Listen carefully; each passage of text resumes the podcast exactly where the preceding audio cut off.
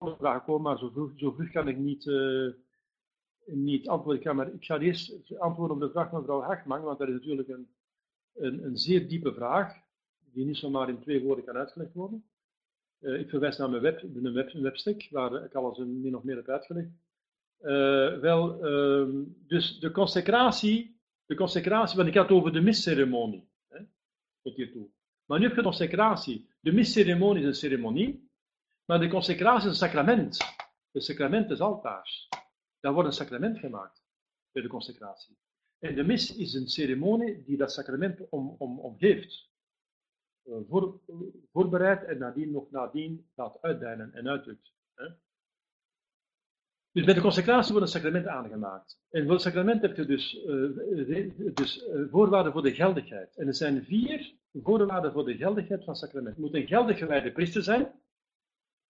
En alle postconciliaire priesters die gewijd zijn na de jaren 60, uh, die hebben een twijfelachtige priesterschap. Want de Novus Ordo wijding, daar zijn twijfels over. En Sint Augustinus en de kerk zegt de kerk zegt, in sacramenten mag er geen twijfel bestaan. Sint Augustinus zegt, als een twijfel is over priesterschap, moet je beschouwen als niet-priester. Dus alle priesters die, die gewijd zijn na het concilie, die moet je beschouwen als niet-priesters. Eigenlijk. Behalve als in de traditie, dus voor een traditionele bischop in de traditie zijn gewijd geweest. Uh, want anders is een twijfel. Dus het moet een geldig gewijde priester zijn. Het moet uh, geldige materie zijn. Het moet brood zijn en wijn. Het moet tarwebrood zijn en druivenwijn. Wel, er wordt gesommeld met die materie. Er is een Oosterse eh, katholieke bisschop die in Parijs twijfels had over de ossies die hem daar gegeven werd door, door, door, die, door, de, door, die, door die die, die, die. Even laten onderzoeken in een laboratorium, hetgeen dat een bisschop regelmatig moet doen, om te zien of die hossies werkelijk serieus zijn, echt, echt 100% tarwe. En ze hebben gevonden dat er nog maar 5% tarwe in zit. Dus ongeldige materie, want Jezus zegt, doe dit tot mijn gedachtenis. En de kerk heeft onfeilbaar uitgesproken dat het tarwebrood moet zijn voor de geldigheid. Dus zelfs al doet je een prachtige mis met een geldige priester en al wat dat is, en je hebt uh, dus die ongeldige materie, komt Jezus niet substantieel in de hostie. Niet. Ongeldige consecratie. Hetzelfde met de wijn. Hetzelfde met de wijn. Uh, de wijn die nu gebruikt wordt, zelfs in PST, en ik ben daar tegen, dat is praktisch Porto. Dat is 15% met suiker. Uh, dat, is, dat is porto, dat is porto, dat is, dat is zo zoet. Ik vind dat verschrikkelijk dat als jij commune neemt van Jezus zijn bloed gegeven heeft, een marteldood gezet, jij porto zit, dat jij een een, een zit te pakken. Je zit een aperitiefje te drinken onder het kruis, met Maria enzovoort. Uh, zo, zo werkt dat niet. Hè? Dus ik vind dat spijtig. Dus volgens, dus dat moet 100% de zuivere uh, druivenwijn zijn voor de geldigheid. Goed, Porto wijn maakt uh, de, de, de concentratie niet ongeldig, want die nog steeds wijn, maar maakt het nog wel uh, bedenkelijk. In ieder geval, in Italië hebben ze gevonden dat ze uh, jarenlang een stuk appelwijn gebruikt hebben. Tot een priester erop uitkwam en hebben ze al die missen terug moeten herdoen. Want de zussen hadden zich, die wisten dat niet, die zussen die de wijn maakten. Ja, de appeloogst is mislukt, zeiden ze tegen die priester. De appeloogst? Ja, we geven toch appelwijn. Maar Jezus zegt, doe dit tot mijn gedachtenis en het was druivenwijn druivenwijn. En de druivenwijn wordt geperst, zoals Jezus geperst is geweest. Dus, dus het, is, het is een symboliek erachter. Jezus is geperst geweest, volledig doodgetrapt uh, door zijn, door zijn vertrappeld, vermorzeld. Als je de, de, de, de, de, film ziet van Mel Gibson, dan zie je dat hij niet overdreven heeft als je de lijkwaarde van het trein beschouwt. Uh, Jezus is echt vermorzeld geweest hè, door zijn lijden. En dat wordt uitgedrukt door de druiven. Dus die symboliek mogen niet aanraken, dat mag je niet aanraken, of de gasten geldigheid aan. Dan moet je de woorden gebruiken van de consecratie. De geldige woorden, die in de Heilige Schrift staan in de traditie. Wel, ik heb het zelf meegemaakt in uh, Deurne, in de Remontis parochie, dat die priester zei, dit is het brood waardoor het goed het kwade over, overwint in de wereld. Ja, dan druk je niet meer uit dat uh, dat brood, dat dat lichaam van Jezus wordt, dit is mijn lichaam, dat wordt niet meer, niet meer uit, dat transubstantiatie wordt niet meer uitgedrukt. Dus zo wordt ook niet meer tegenwoordig gebracht. Want een sacrament is een teken dat uitwerkt hetgeen dat het betekent. Dus het moet, de, het moet die, um, die transubstantie wat moet betekend worden. En dat wordt ook gerealiseerd. Dat is de essentie van een sacrament. Ziet je? Dus dat zijn de vier voorwaarden. En hij moet bovendien, de laatste voorwaarde, dat is de meest delicate, hij moet de intentie hebben om te doen wat de kerk doet. Je moet altijd de juiste intentie hebben voor de geldigheid van een sacrament. Bijvoorbeeld als er een doopsel wordt georganiseerd in een film, uh, de film die heet het doopsel, De Bekering van, van Clovis. De Bekering van Clovis. Hè? Het ontstaan van het katholiek Frankrijk. En in die film is er toevallig een, een heiden die Clovis speelt. Omdat toevallig de juiste figuur heeft enzovoort, uh, een goede artiest. Hè? Het is een heiden die, die, die speelt. Trouwens, Clovis was een heiden voor hij gedoopt werd. En, um, en die wordt in de film gedoopt. Er wordt water over zijn hoofd gegoten. Zegt, ik doop in de naam van de Vader en de Zoon en de Heilige Geest. Trouwens, als een christen was, zou hij geen twee keer mogen doop worden. Is dat doopsel geldig? Nee, waarom is dat niet geldig? Omdat de intentie er niet is. Alles is er behalve de intentie. De intentie is film te maken, theater spelen, doen alsof. De intentie is niet om echt te dopen. Dus er is geen doopsel, want de intentie is er niet.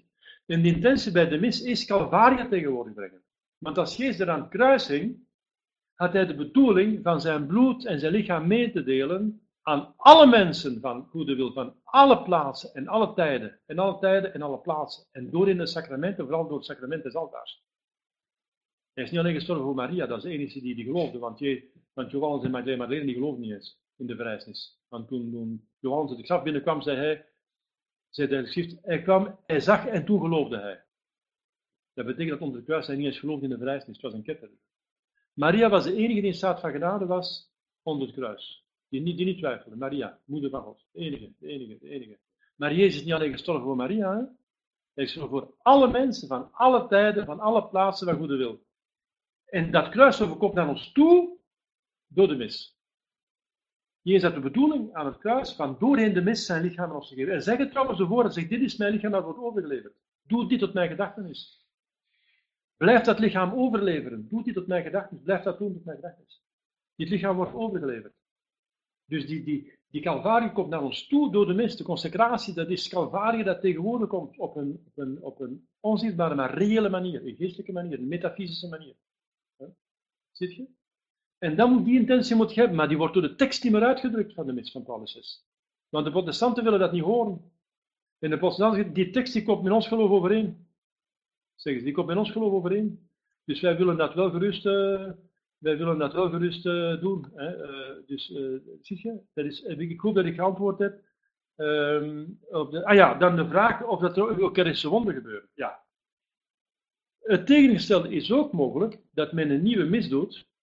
Dus een, mis die mishaagt aan God, want ze behaagt aan de, aan, het, aan, de ketterij, aan de protestanten, voor zover dat ze dus niet katholiek zijn. Het mishaagt aan God van, van de godsdienst door God, uh, dus, dus openbaar. Hè. Maar dat de consecratie nog geldig is. Omdat de priester nog geldig gewijd is, is nog een oude priester, die wordt concilie gewijs, op de wijding is toevallig wel geldig geweest, door een of andere omstandigheden. Dat hij de juiste woorden gebruikt, de juiste materie, en ook de intentie heeft. De intentie heeft om kruisoffer tegenwoordig te brengen. Want dan zijn de vier woorden van de consecratie, dan heb je dus een, on, dan heb je dus een ongeldige mis, maar een geldige consecratie. Die mis is dus niks waard. Dat is een protestantse mis. Een protestants bevorderende mis, een ketterij bevorderende mis. Maar met een geldige katholieke consecratie erin. Weet je? Dat kan gebeuren. En dat dan een mirakel gebeurt van zeggen, oh, oh, oh, oh, oh. Jullie geven de communie in de hand, jullie knielen niet en jullie geloven maar voorbij en jullie laten gauw de communie uitdelen. Oh, oh, oh, ik ben hier. Dat God een mirakel doet om de mensen op bezinning te brengen. Dat is heel normaal. Dat is heel normaal. Dus, uh, dus dat, is, dat, is, dat, is, dat is zelfs begrijpelijk. En dat is zelfs uh, heel nuttig. Dat, dat dan een mirakel doet om te zeggen, oh, oh, oh, oh, oh je weet wel, het is God, die behandelt mijn lichaam niet. Het is geen, het is geen ouweltje, zoals die man zei. Ik, wil ook, ik heb ook recht op het ouweltje. Nee, je hebt geen recht op het ouweltje. Je hebt recht op een plak slaag als je zo praat. Daar heb je recht op. Op een plak slaag. Doordat je zonde, heb je wel gebicht voor je naar de communie gaat? Ben je wel staat van genade? Ben je wel nuchter? Ik heb recht op mijn ouweltje. Hè? Zo denken de mensen tegenwoordig. Ik heb mensen aan de communiebank die zeiden, Pater, help mij, het is de eerste keer. Ik zeg, ja, ik zal u dan voorbereiden, kom eens een keer terug. Met kerstmis kwam iemand aan de communiebank, uh, het is mijn eerste keer. Ja, ik zeg, zo moet, is, hij wel, is wel gedoopt? Persoon? Ik weet niet of hij gedoopt is. Ziet je? Dus, um, en God doet wonderen om de mensen tot bekering te brengen en te tonen. Dat, is, dat betekent dat daar nog een stuk katholiciteit tegenwoordig is. Er is nog een katholieke priester. De consecratie heeft nog de bedoeling om te consacreren, om het kruisoffer tegenwoordig te brengen. Maar dat wordt aan de jonge priesters niet meer geleerd. Want die seminarissen zijn ecumenisch, die zijn postconciliair, die zijn ecumenisch. En je moet zo weinig mogelijk dingen uh, doen en denken en, en handelen en bidden die de protestanten voor het hoofd stoot. Dus je moet niet te veel meer spreken over het kruisoffer in de mis, maar over maaltijd. Delen met elkaar. Ja, als je voor, eh, en daarom zijn de kerken leeggelopen. En als je voor een maaltijd gaat, ben je beter gediend in een restaurant. En als je bij de commune niet meer zegt, uh, ik ben niet waardig, maar spreek mijn woord en mijn ziel zal gezond worden, maar je zegt en ik zal gezond worden, gaat dan beter naar een dokter. Die, die weet meer van je lichaam af dan een priester. Dus als je de concurrentie aangaat met de restaurants wat eten betreft, wat maaltijd en delen betreft, en de concurrentie met de gezondheid wat de, wat de dokter aangaat als priester, dan, dan, je het onder, onderdelf. Dan, dan, dan, je, dan delf je het onderspit bedoel ik. Excuseer. Dan spit je het, onder... Hoe is het weer? Excuseer. Ja. Dan, dan, dan, dan, dan ben je minder. Dan ben je minder. Dus dat, dat moet je niet doen. Uh, als jij godsdienst bedrijft, dan ben jij in je zaak. Blijf bij je zaak. Priester, jij bent specialist van de godsdienst. Geef ons godsdienst, geef ons God. Hè? Maar ik zal gezond worden, ja. Uh, uh, en, en, en, dus, maaltijd vieren. Ja, we, gaan, we gaan samen delen. En je krijgt zo'n oudertje, zo'n klein stukje brood. Ja, ik blijf op een honger natuurlijk als ik kom om te delen en maaltijd te vieren. Maar wat gaan we dan delen? Een stukje brood, dat is een beetje zielig. Hè?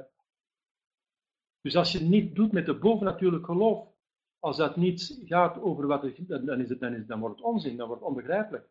Onbegrijpelijk. Zonder het geloof is alles onbegrijpelijk. Daarom mochten zelfs degenen die de catechisme niet hadden, zelfs de kanon niet meemaken in de eerste eeuw. Je mocht ze zelfs niet meemaken. De catechumenen, degenen die de catechismus niet hadden gehad, die niet wisten dat de hostie God wordt, die mochten aan de kanon niet deelnemen. Die moesten weg. Die mochten blijven bij de, bij de, de onderwijzende gedeelte. Hè? Het epistel, het evangelie, de preek. Maar na de preek, bij de kanon moesten ze weg. Ze moesten in het voorhof gaan van, van de kerk. Hè? En, en, daar, en die mochten pas deelnemen aan de kanon. Dan komt het woord missa van. Missa, ze werden weggezonden. Missa, dat is het gedeelte, dus dat is een mis. Dat is waarin de catechumenen worden weggezonden.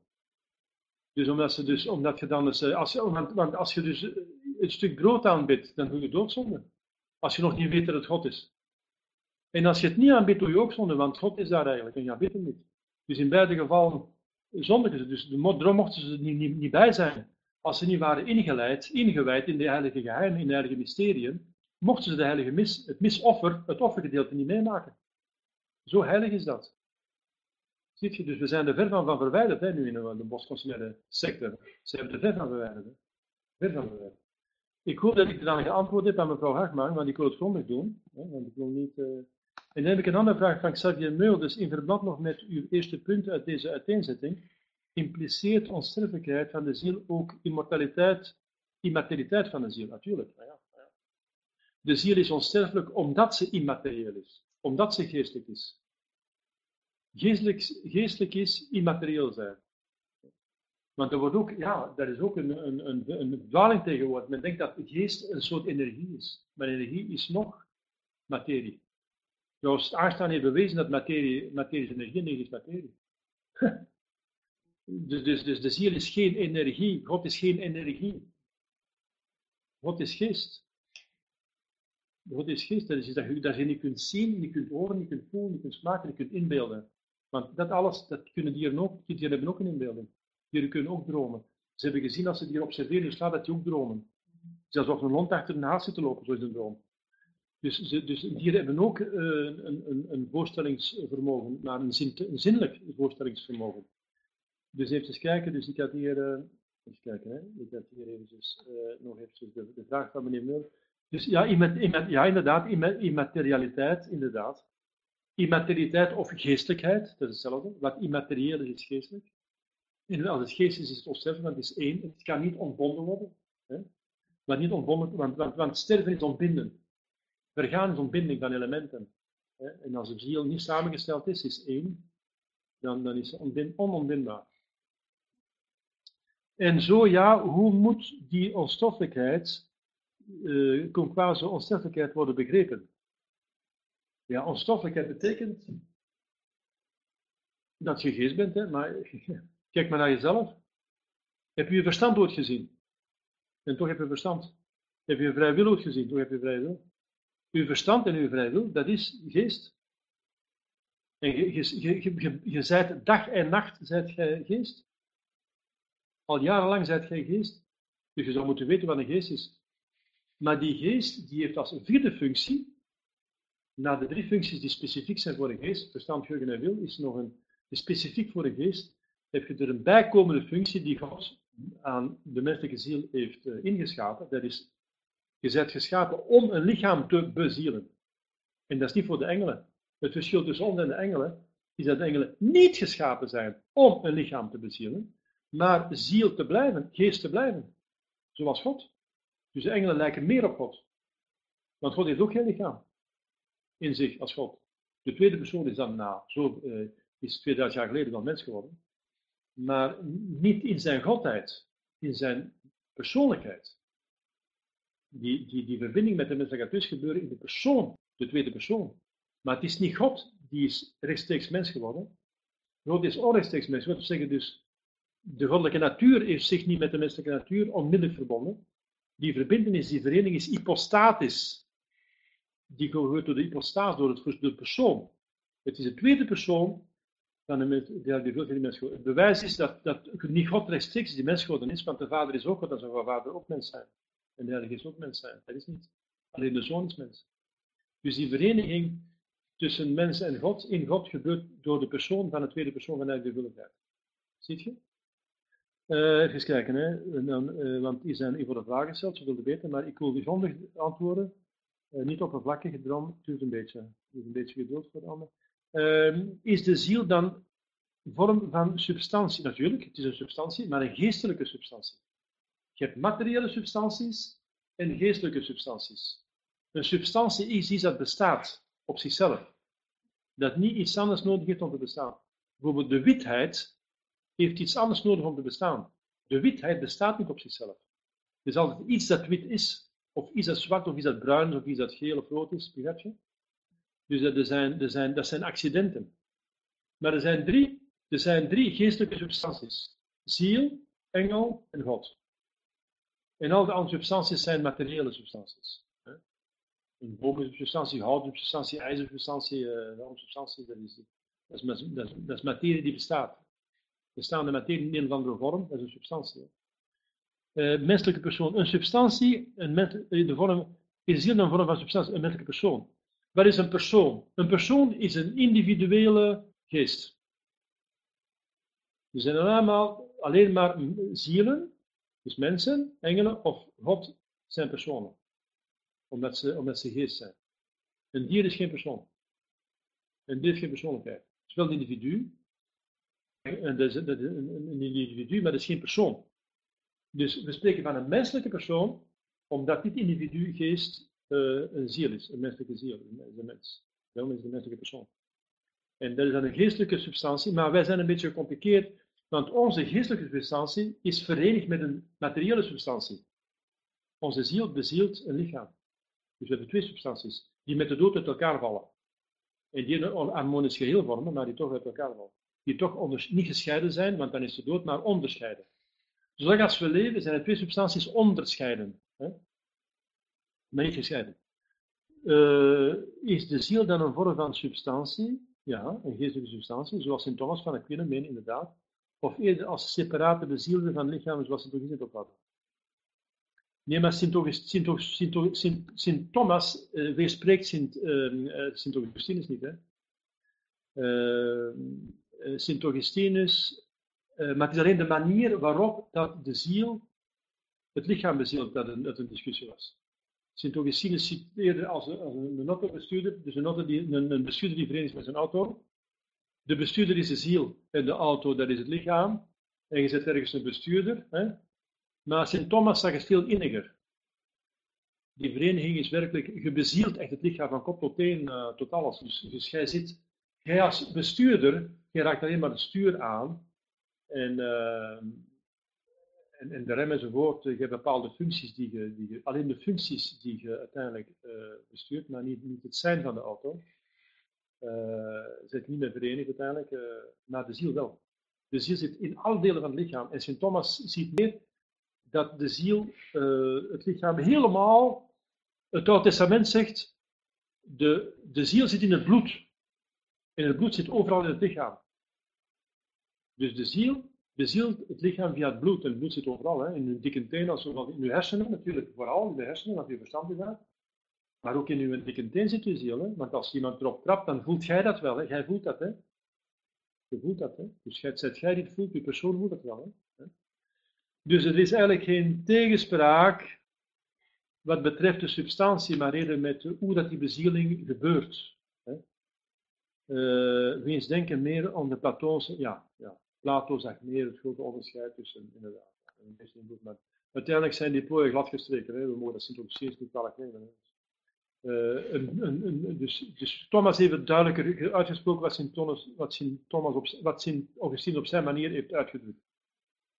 Uh, dan nog een vraag van Brus, mevrouw Brusselaars. Een katholiek die met goede bedoelingen naar de mis gaat. U zegt de heilige mis, dus het heilige mis, dat is het misoffer. Want die mis van Paulus is dus niet heilig. Dus uh, naar de heilige mis, dat is dus de mis, de katholieke mis, veronderstelling. Een mis die nadien niet geldig blijkt te zijn, dan is niet de heilige mis. Uh, de mis, uh, je moet onderscheid maken. De mis, de nieuwe mis is nooit geldig. Die zal nooit in de eeuwigheid door een echte paus aanvaard worden als een katholieke geldige mis. Dat is een mis waarvan de katholieke elementen zijn weggehaald om te doen aan de protestanten op een manier die onfeilbaar veroordeeld is door, immorta, uh, immortali, uh, door immortalium animos, dan Pius IX en door de, de brief, de, het document van uh, de paus Hormisdas in de 6e eeuw. Onfeilbaar. Dus die mis zal nooit erkend worden door de echte kerk van Paulus VI. Dus het is inderdaad een ongeldige mis. Maar het is niet te zien, want ze, ze, niet zo te zien voor een eerste toeschouwer, want ze, ze zondigt door weglating. Er zit niks, als de mis gebeurt zoals Paulus VI vraagt, ziet je daar niets verkeerd in. Er staat niks positief verkeerd in. Maar ze, zondigt, ze zondigt erg door de dingen weg te laten, die er, er moeten in zijn. En dat maakt het gecompliceerd om te begrijpen wat de zondigheid is van de nieuwe mis.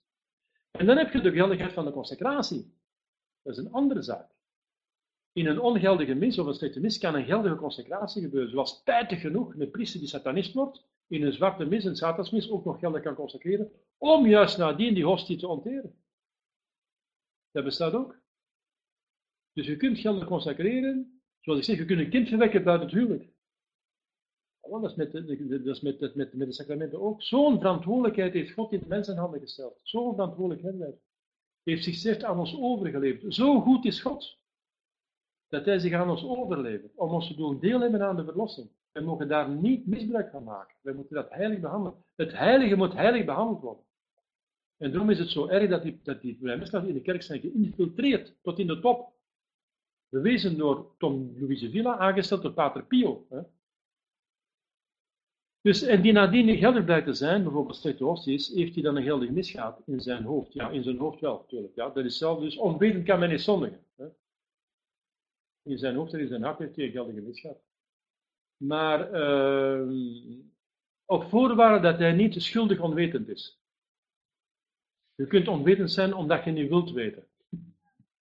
Ja, dan word je schuldig onwetend. En want je moet God beminnen. Als je ziet, ah, hier is onraad, uh, dat offerkarakter is weg, dat heilig is weg. De vrouwen komen op het altaar, uh, die priester die, die zit maar met gitaar te laten spelen en die, het is allemaal zo, uh, je moet niet meer nuchter zijn, drie uur. Je kunt bij wijze nog met een pak friet de kerk binnenstappen, want met de preek erbij duurt nog een uur voor het communie is. Je kunt nog een pakje friet met mayonaise bij in de, kerk binnen gaan en dan kun je nog de communie gaan. Als het maar een uur, als maar een uur, uh, ah ja, ah ja, ah ja. Je kunt nog een uur, als het maar een uur met een kauwgom, hm? je kunt nog met een koekje in de mond. Hm? Je kunt, uh, dat is erg. Dus dat, dat, dat dus, en dan begint je toch te denken, hier is iets niet pluis. Er wordt praktisch niet meer gesproken over voeten, over, over vagevuur. Er wordt over het tegenboden ook niet veel meer gezegd. Het enige gebod waar ze het over hebben is je moet vriendelijk zijn met de vreemdelingen vooral. Daar hebben ze het vooral over. En dat is de grote doodzonde, dat je daar niet vriendelijk genoeg mee bent. En voor de rest over worden andere geboden praktisch niks meer gezegd. Uh, en, en, uh, je kunt getuigen hier, hè, je de plaatsen, die, die pastorie, hè, dat is zo. Hè. Je hebt ze al mij verteld dat die pastoren over niks anders meer preken, dat we zijn niet vriendelijk voor de vreemdelingen. Dat was de enige zonde die nog. En dan de mensen schuldgevoelens geven, dat ze nog niet, nog niet genoeg geven aan die vreemdelingen. Uh, ja, dus dan begint er toch ergens een lichtje op te gaan. Er zou ergens toch uh, je hebt toch een sensus catholicus, de Heilige Geest woont toch in je ziel. Die gaat toch protesteren. Je gaat, en als je daar geen rekening mee houdt, dan word je eigenlijk uh, ergens ook schuldig. Hè? God zal oordelen. Wij mogen niet oordelen. Hè? Maar normaal gezien als, moet je God beminnen met al je krachten. Dat is wat Jezus vraagt. En als iemand zoekt, die zal vinden. Zoekt en je zult vinden. Dus iemand die het hele leven in de postconsuliaire kerk blijft en er niks gevonden heeft, dat is hij niet gezocht heeft. Ja, het, is, het kon hem niet schelen uiteindelijk. En dan wordt die schuldig onwetend. Je kunt niet willen weten. Hè? Dus daar zal God over dat weet ik niet. Maar ik geef alleen maar de, de, de, de principes. Hè? Nu heb ik hier nog andere vragen. De, ja, de vragen komen los. Ja, dus die heeft wel een geldige misgat in, in zijn hoofd, maar die moet zorgen toch dat hij dat niet schuldig En dan mevrouw Hartman, sorry, ik moet nu naar de aanbidding. Ah ja. Ja, dat is goed, prima. Mevrouw Busselaars, is het geoorloofd om als katholiek de heilige missen van Pietersbroederschap Pius te volgen, om een sacrament te ontvangen? Uh, goed. Uh, ja, dus de priesterbroederschap, ik ben daar lid van geweest, ik ben daar jarenlang niet van geweest. Ik ben, ik ben priesterbroederschap gewijd. Ik ben overste geweest twee keer, twee keer. Ik heb, daar, ik heb geweest in Litouwen, ik heb allerlei functies gehad. Ik ben al niet geweest, ik ben... Uh, ik heb uh, van alles gedaan, ik ben een jaar lang. Ik, weet, ken de vriendschap van binnen en van buiten. Wel, uh, is het geoorloofd, dus het gaat niet over de geldigheid, het gaat over de geoorloofdheid. Wel, de geldigheid is er zeker daar, behalve, het begint nu wel een beetje te rammelen, zelfs wat de geldigheid betreft, want er worden priesters toegestaan in de priesterboodschap Justine, bijvoorbeeld, uh, ik, kan, ik voorbeelden geven. Hè? Uh, Pater Vezovek, een jesuit, een Poolse jesuit, Vezovek, die is toegestaan geweest in de priesterbroederschap van Polen, want ik was daar. En die is novus ordo gewijd. En die werd niet herwijd onder voorwaarden. Terwijl er een twijfel over zijn. Hij had zelf een twijfel over zijn priesterschap. En de overste pater van Duitsland en uh, van het district, daar, die pater uh, Schmidberger, die zei, ja, als hij het wil dat we het doen, doen we het. En als hij het niet wil, doen we het niet. Maar daar beslist hij niet over, daar beslist de kerk over. De bekeerling gaat niet beslissen of hij iets gaat, een sacrament gaat ontvangen of niet. Dat moet van de onderwijzende kerk komen, niet van de bekeerling. Dus dat is toch serieus aan het rammelen dan. Hè? En dan die priester die komt dan in de centra, die gaat dan dicht door, de mis doen enzovoort. En er zijn nog gelovigen die dan niet meer weten waar hun kop staat. Ze zeggen, uh, en die zijn dan naar een sedevacantistische bischop gegaan in, in, in, Tsjechië, in, in, in Tsjechië. Die, die niet verder, want dat was niet, dat in Krakau, dat was niet ver van de Tsjechische grens, zijn ze daar naartoe gegaan. Die, die mensen is nu overleden, die bischop. Dan zijn ze daar naartoe gegaan, want toen waren ze minstens zeker dat de geld geconsacreerd was. En uh, om de sacrament ontvangen, ja. Dus in de priestenbroederschap laten we zeggen dat voor 99% die priesters nog geldig zijn, hè, in de bisschoppen. Uh, hebben ze nu geweigerd uh, om te aanvaarden dat als een paus een ketterij verkondigt, dat hij zijn pauschap verliest. Terwijl dat de bewijzen in de traditie staan. En ik heb, toen ik dat gevonden had, heb ik onmiddellijk met de onderwijzende kerk gesproken, want die moet beslissen, de bisschoppen van de boodschap, er zijn er drie. Mortetissier de Maleret, die heeft me onmiddellijk gezegd, ja pater, je hebt gelijk, ik ken die doctrine, dat is zo. Vaticaan II is ketters, uh, Paulus VI is dus ketters, een paus die ketterij openlijk verkondigt, is een, verliest zijn pauschap, dus Paulus VI heeft zijn pauschap verloren. Maar, wij, maar wie moet dat constateren? Ik zeg, ja, je weet het zelf, monseigneur, je kent ook niet. Dus de kerk zegt, de kerk, uh, het concilie van uh, de bisschoppen, een concilie van bisschoppen. Ja, maar wij gaan dat niet doen, zegt hij. Wij gaan dat niet doen, want dan gaan we te veel gelovigen verliezen. Dus zij weten, en ik heb met Monseigneur gesproken, de tweede bischop waar ik gesproken heb. Ik heb hem aan de lijn gehad en ik zweer dat zo is. Hè, ik zweer, mag, mag, in een ernstige zaak mag ik zweren. Ik heb hem aan de lijn, aan de lijn gehad, anderhalf uur. Ik zeg, Monseigneur Uh, ik heb een doctrine gevonden in het DTC, hè, het Thomistische boek, en dat ging over de afzetting van de geestelijkheid. En dat ging zesde paragraaf over de afzetting van pausen. Er staat duidelijk in dat de doctrine, dat Paus in de zesde derde, het concilie, ze hebben duidelijk gezegd, als een paus een ketterij verkondigt, open en publiek, verliest hij zijn pausschap ipso facto.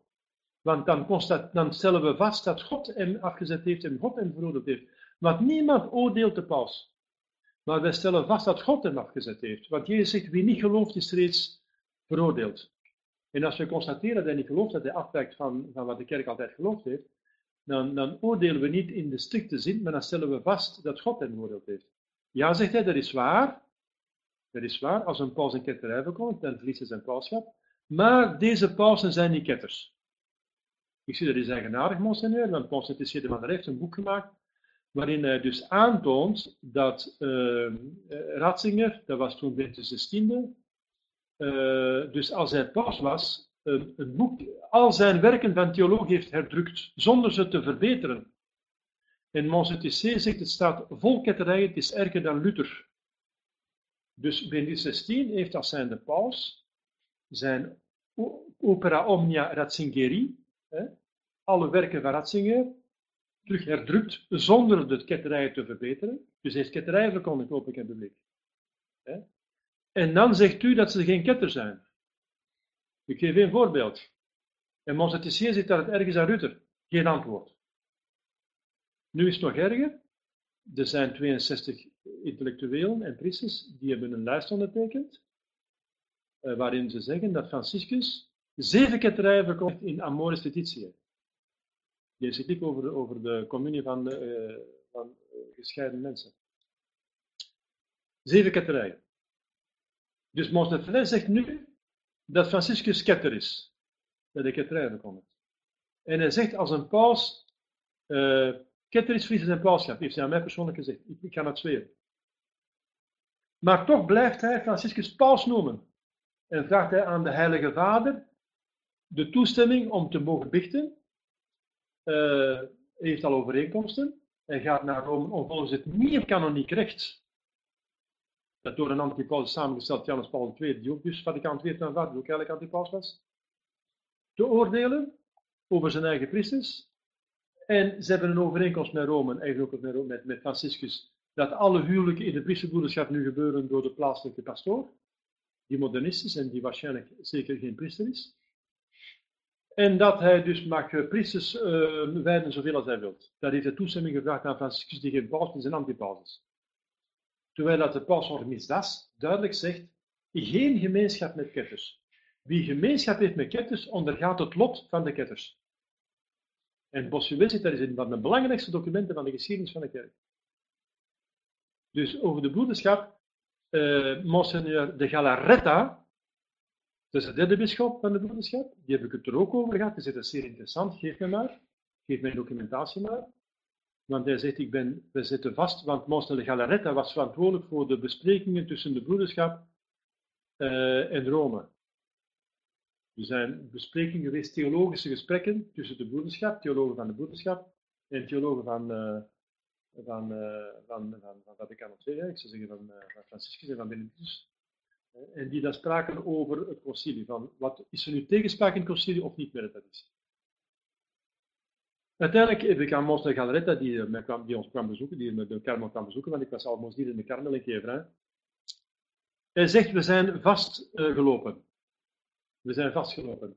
Want wij zeggen aan de theologen van Rome dat wij duidelijk een tegenspraak zien tussen de traditie die onfeilbaar is, de heilige schrift en de traditie, de roosbollen, en dan Vaticaan II, dat concilie. Dat niet eens een, een dogmatisch, dus het is niet eens een onfeilbaar concilie is. Want de pausen voor concilie, Johan de 22 en Paulus VI onder het concilie en na het concilie heeft gezegd, wij hebben niet de bedoeling van onze, onfeil, van onze onfeilbaarheid gebruik te maken. Want dat zou de protestanten voor het hoofd stoten. Dus ze hebben niet de bedoeling gehad om onfeilbaar te zijn. Dan zijn ze ook niet onfeilbaar ze die bedoeling hebben. Want hebt als je die bedoeling hebt om te dopen, doop je zoals ik zei. Hè? Dus, dat is de... dus het is geen onfeilbaar concilie. Dan, zegt dan zeggen de, de, de theologen van, uh, die, en Monsignor Galaretta was verantwoordelijk voor die theologen. voor die gesprekken.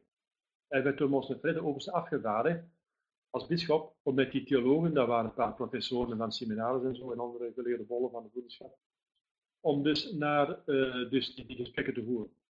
Bijvoorbeeld de directeur van het seminarie van Econen, enzovoort, uh, die was er ook bij. Wel, zeggen dus uh, geen, uh, dus wij zien een tegenspraak. En als wij mogen kiezen, kiezen we voor het onfeilbare. Hè? Ja, zeggen dan de theologen van uh, Benedictus XVI van Rome. Ehm, dat kan zijn, dat dit is uw oordeel, dat is uw opinie, dat is uw visie, maar dat is niet de onze. Wij zijn trouwens, wij vinden dat er wel een overeenkomst is. Dat de hermeneutiek van de continuïteit wel mogelijk is. Dat wil zeggen, de uitleg dat het wel overeenkomt. Hermeneutiek is uitleg van de concept dat overeenkomst wel mogelijk is. Dat, is. dat er geen tegenspraak is. En wij vinden dat, wij oordelen dat en wij beslissen dat. En wij hebben het laatste woord, want wij zijn het levend magisterium. En nu zitten we vast, zegt hij. Zitten we vast. Ik zeg, Monseigneur, je zit niet vast, want daar is een uitzondering op. En ik heb dan gezegd, als je constateert, vaststelt dat ze afwijken, dan is de uitzondering van het geloof, zoals Innocentius de derde zegt, niemand mag mij oordelen over geen enkele zonde, alleen God. De paus staat boven iedereen. Er is niemand die boven de paus staat, zelfs geen, geen concilie, geen keizer, niemand staat boven de paus, alleen God. Dus hij wordt door God geoordeeld. Behalve, zegt hij, voor die ene zonde tegen het geloof. Als ik zonde tegen het geloof, dan kan de kerk vaststellen dat ik door God ben afgezet. Ja, dus dat is duidelijk. En dan ik aan ons gaan zeggen, ah interessant, laat me kijken, laat me kijken. Daarna, in het lof, dat ik dan voor de zusters deed in de Kamel, dan moesten we zeggen, ore moest pro pontifice enzovoort, voor de ogen voor de paus Franciscus zeggen. Dat kan ik kan niet over me. In het Antwerp ik het niet over mijn hm, krijgen. Ik kan het over mijn lippen niet krijgen van te zeggen, paus Franciscus, want nu weet dat hij geen paus kan je zitten liggen voor het heilig sacrament. En ik heb die woorden veranderd en die zus zegt, ah, je hebt de woorden veranderd, ja. Ah, maar de zitten vacatist, zeg, ja, ik kan er niet aan doen, dat staat in de boeken, ik, heb er niet voor gekozen, ik volg gewoon wat in de boeken staat, ik volg wat de kerk ons leert, ik heb trouwens aan de bisschoppen gevraagd, zeggen dat zo is? Ja, maar dan gaan we gaan, en dan gaat de ketten. Ik zeg, ik zeg, vacantist, en dat is niet overeengekomen, dat was niet zo, ik ga Monster Galaretta opbellen. Want Galaretta is verantwoordelijk voor de relatie onder de broederschap en de religieuze.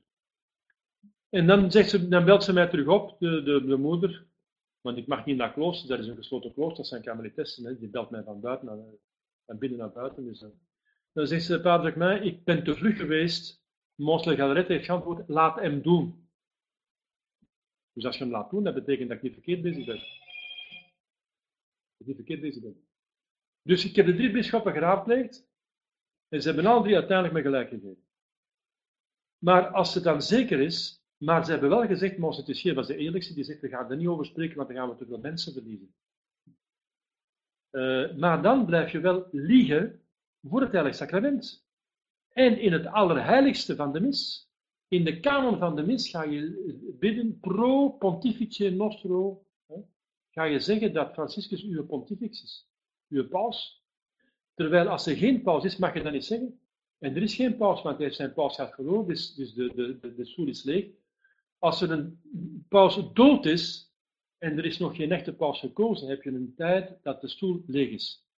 En als die tijd dat de kerk dus nog geen paus is gekozen, dan mag ze niet in de kanon zeggen oremus pro pontifice, want er is er geen. Een antipaus is geen paus. Hè? Zoals een antichrist geen Christus is. Hè? Dan uh, moet je dat weglaten en dan moet je blijven bidden Oremus pontifice, en dan moet je zeggen Franciscus, en dan voor het heilig sacrament, dan moet je zeggen Oremus, je moet bidden voor pontifice, en in de gebeden van Goede Vrijdag moet je zeggen Oremus pontifice, de grote gebeden van Goede Vrijdag, moet je weer bidden voor de paus, en met de kwaad moet je weer bidden voor de paus, voor, voor iemand die geen paus is, en een paus noemen, dus je moet zitten liggen voor het heilig sacrament. En bovendien, die de Manerai, die pas wijdingen toe, zoals die andere twee bisschoppen in de broederschap. En voordat de priesters in de broederschap gewijd worden, moeten ze beloven voor het heilig sacrament van de huidige blijkbare pauze als pauze aanvaarden. Dat moeten ze beloven. Dus ze moeten beloven voor het heilige sacrament dat, Francis, dat ze Paus, Francis als paus aanvaarden. Terwijl het en Felay en Galette goed weet dat hij geen paus is. Dat is doodzonde. Objectief gezien is dat doodzonde. Voor het heilige sacrament, mensen doen ze weer, van iemand aan te nemen als paus die antipaus is, alsjeblieft. Hè. Ik heb die kritiek uitgeoefend en dat is de reden waarom dat ze mij buiten gezet hebben. En nog een andere reden, want er zijn nog andere doodzonden die ze niet corrigeren. Maar nu om terug te komen op uw vraag. Uh, dus is het geoorloofd om als katholiek, want er zijn natuurlijk nog christenen in de broederschap die er allemaal geen kaas van gegeten hebben, die gewoon, uh, gewoon verder doen. Want Mons de Lefebvre was een heilig man. Die had die doctrine niet gevonden over die Pasen. Omdat dat in zijn seminar niet meer wordt onderwezen. Want uh, het was juist in 1870 het concilie geweest, het Onfeilbaar Concilie, uh, dat, uh, dus de, het Concilie, dat ehm, de paus onfeilbaar is, onder vier voorwaarden, in 1870. Daarna kregen een heilige paus, Pius X. En daarna kreeg je dus het probleem met liberalisme en, modernisme. En dat de, de, de, ergste, het sterkste wapen tegen het modernisme en liberalisme in de 19e en begin van de 20e eeuw, dat waren juist de, de geschriften van pausen. Dus in seminarie werd geleerd dat de paus dat niet goed is. Dus er werd niet meer over gesproken. Trouwens, het concilie van Vaticaan I is gezet er eigenlijk nooit geen ketterse paus is geweest. Dus er werd gewoon niet meer gesproken over de mogelijkheid dat een paus zou kunnen ketter zijn. En V zegt, ik ken geen doctrine over. Ik zie nu dat pausen ketters zijn, maar ik weet niet of ze dat door hun pausschap verliezen. Ik ken die doctrine niet. Maar de broederschap is blij. En de kerk zal het ooit wel vinden, maar zullen mij nooit kunnen verwijten dat ik het niet wist, want ik wist het niet. Ik weet het niet. Dus ik, in twijfel beschouw ik hem als paus. Dat, toen is Mons V gestorven. En ik heb hem daarin gevolgd. Tot ik toevallig stoot op een artikel in de DTC, een encyclopedie, dat erover gaat en duidelijk zegt dat dat uh, zo is. Dat een paus pas heeft terrein. En bevestigd door de drie bisschoppen. En dan, uh, op dat moment, ziet je dus Mons de Vijvre, dat ik heb ook beloofd van Franciscus, of nee, dat was toen nog, uh, dus, uh, dat was toen nog Jan Paul II, als paus aanraden, omdat ik zeg, ja, als niet bewezen is dat geen paus is, moet ik hem wel als paus aanvaarden. Hè. Ik moet zomaar niet een paus dat is geen klein bier, dat is geen kleine zaak. Dus als niet 100% vast dat geen paus is, aanvaard ik hem als paus, overlopig. Dus ik was ermee akkoord.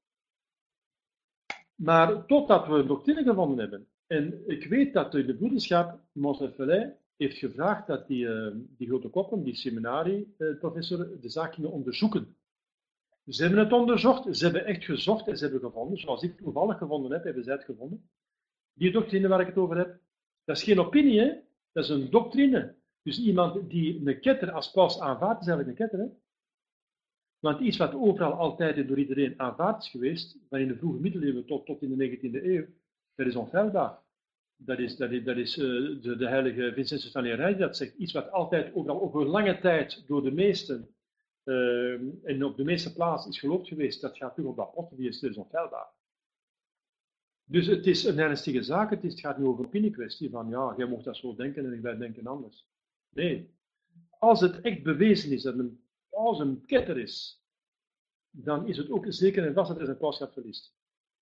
Zo waar als dat een ketter geen lid is van de kerk. Natuurlijk is er een grijze zone waar hij kan herpakt worden, maar hij heeft kans genoeg om zich te herpakken. Vanaf het begin heeft de Vijfde in het concilie gezegd, hey, dat wijkt af. Er zijn verschillende bisschoppen en priesters die de paus hebben aangenomen en zeggen, u bent aan het afwijken. Maar ze hebben niet willen luisteren, dus ze zijn volhardend in en dus ze zijn ketter. En met terugwerkende kracht van als deze ketterij, dan hebben ze hun pauschap verloren. Ziet je? Dus dat is, uh, dat is spijtig genoeg, is dat zo. En dan nu om een vraag terug te komen, uh, is het dan geoorloofd om de, uh, de missen te volgen? Wel, uh, ik heb dus ik heb een bischop op bezoek gehad, dat is Monseigneur Sanborn. En die zegt, in de bischopschap zijn de priesters die nog steeds in de kanon zeggen dus, um, et pro unacum Papa Nostro Francisco in de kanon. In de kanon van Te Igitur zeggen ze, Te Igitur, dat is dat gebed, dat eerste gebed van de kanon, na het Sanctus en de prefatie het Sanctus, krijg je Te Igitur. En dan, dat zijn de diptieken. Dan wordt er gebeden voor allerlei intenties, voor de kerk en voor de paus en voor de bisschoppen en zo. Dat zijn de diptieken. Dat is waarvoor dat je toch gaat opdragen. Voor de eenheid in de kerk, de eenheid zal bewaard in de dat de paus goed zal functioneren. Maar dan noemt je wel Franciscus Paus. Je zit hem daar te noemen, terwijl dat er niet meer genoemd mag worden, want er is geen paus. Er is een antipaus, er is geen paus, dus we moeten wachten tot er een paus is. Dan zit je daar te liegen in de mis. En zit je te zeggen, unacum, je aanvaardt een ketter als paus, en zoals Ormisdas onfeilbaar zegt, degene die vereniging heeft met ketters, omgaat het lot van de ketters. Dus die kerk wordt ketters. Die priester dat zegt wordt ketters. En die mis ondergaat een ketters- en schismatieke aspect, doordat die unacum Papa Francisco wordt opgedragen. En bijvoorbeeld, je geen goede vraag stellen, mogen wij naar de mis gaan bij de orthodoxe schismatieken?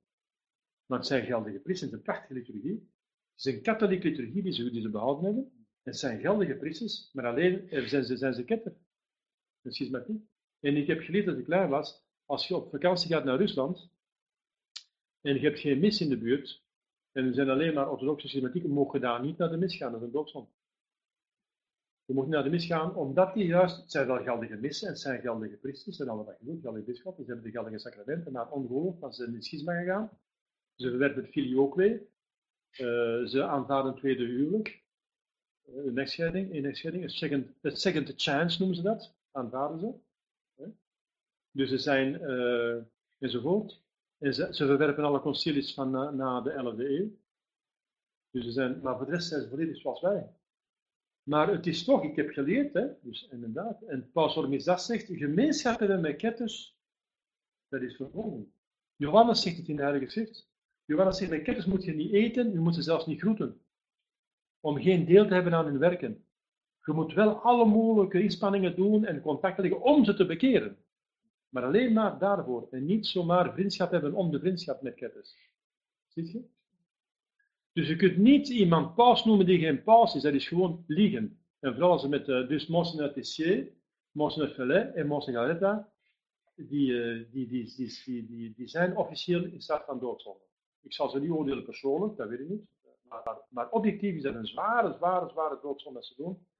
Door de waarheid op zo'n belangrijke zaak niet te zeggen. En omdat dan Franciscus Paus is zo gezegd, dat is Jezus beledigen, van zo, zo iemand die zo'n ketter, van die de plaatsvervanger van Jezus te noemen. Van zo'n postconciliaire kerk waar alles mogelijk is, van dat de kerk van Jezus te noemen. Zoals Monsen de Vijver zei op het einde van zijn leven, de, de kerk is niet meer katholiek. Dat is duidelijk gezegd. En we moeten geen akkoord maken met Rome voor Rome bekeerd is. Zo is hij gestorven. En heeft ook nog gezegd aan Pater Smidberger, jij hebt mijn werk afgebroken. Dus binnen in de broederschap is er ook een infiltratie. Ik heb een contact gehad met een, um, die bekend is, die heeft gezegd, de priesterbroederschap is te belangrijk geworden om niet geïnfiltreerd te worden. Dus daar, weet je dus wat er gaande is in de broederschap. Wat er in de kerk is voorgevallen in de jaren 60, 70, de, de katholieke kerk, gebeurt nu in de priesterbroederschap. De duivel is niet van tactiek veranderd. Hij weet ook wel, never change a winning team. Als je de kop pakt, pak je het ganse ding. Hij heeft de paus gepakt, de concilie, en nu pakt hij in, de, in, het, in het algemene vergadering. En uh, voilà, dus het is, het, is, het is gesloten. Dus ik dacht, dus hebben mij eruit gezet, want ik heb de waarheid gezegd. Ik ben eruit gezet om de waarheid te zeggen. Ja, een vraag hier? Ja, um, nu betekend dat uh, Franciscus Ketter is. Ja, dus Monseflet heeft nu ondertekend officieel ondertekend, heel de wereld heeft het gelezen op internet, dat Franciscus Ketter is. Wat is nu uw vraag? Ja, dan moet hij. Uh... Ja, dan moet hij dus volgens als Paus Misdas, wie gemeenschap heeft met Ketter, heeft het lot van de Ketters. En dat is het, een belang, het belangrijkste document volgens Bossuet, een van de belangrijkste van de ganse kerkelijke geschiedenis. Dan moet hij geen contact meer hebben, geen vriendschappelijke betrekking meer hebben met, Franciscus. Alleen proberen te bekeren, die mensen. Ja.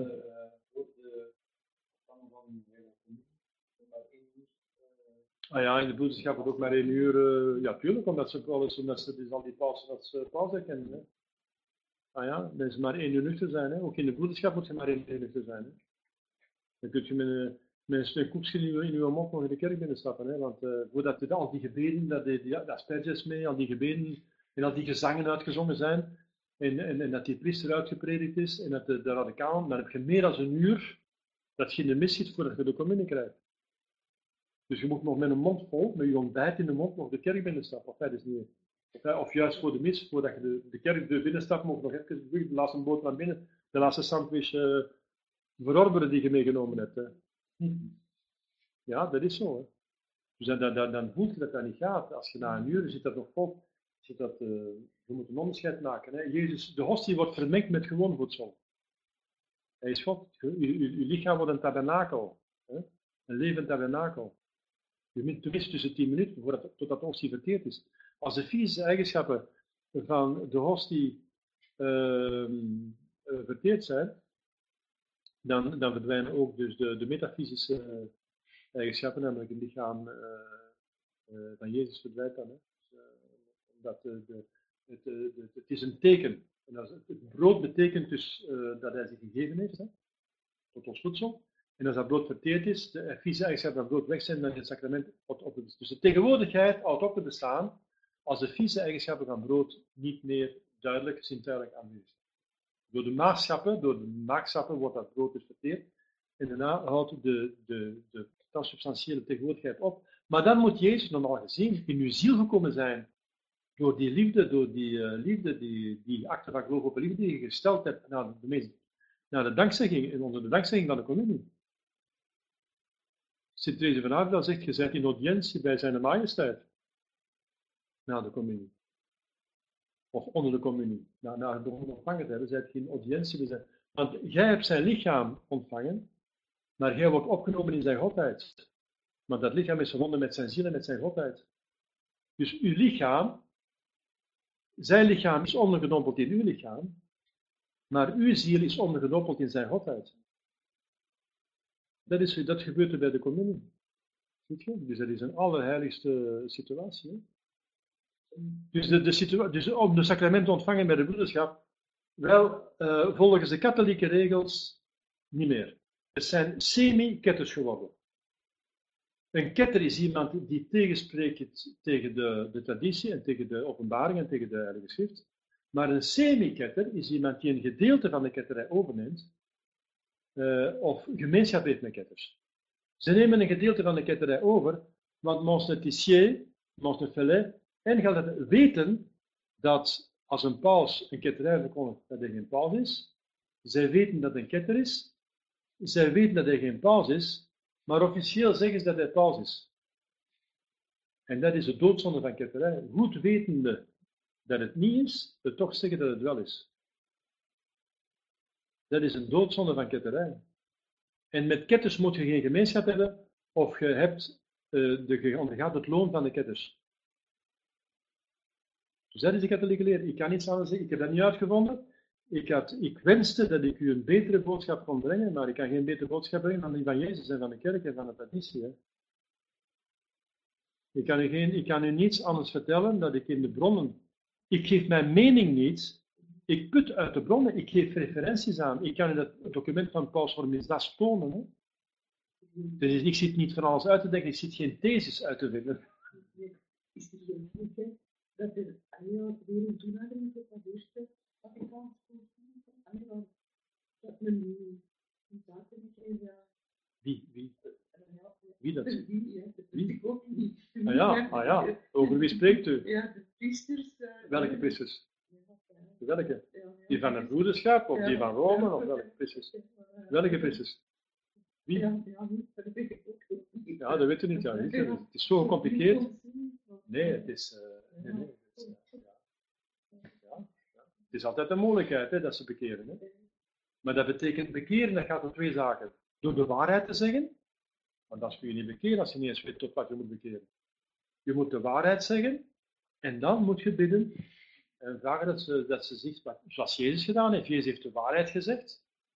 Ook aan de hoge priesters en, en, en, en de Sadduceeën en de Fariseeën en de theologen al, aan iedereen de waarheid gezegd. En dan is het dan, uh, en dan ziet je hoeveel dat er hem gevolgd hebben. Hè? Hoeveel dat er hem gevolgd hebben. Hè? Sommigen hebben hem gevolgd. Hè?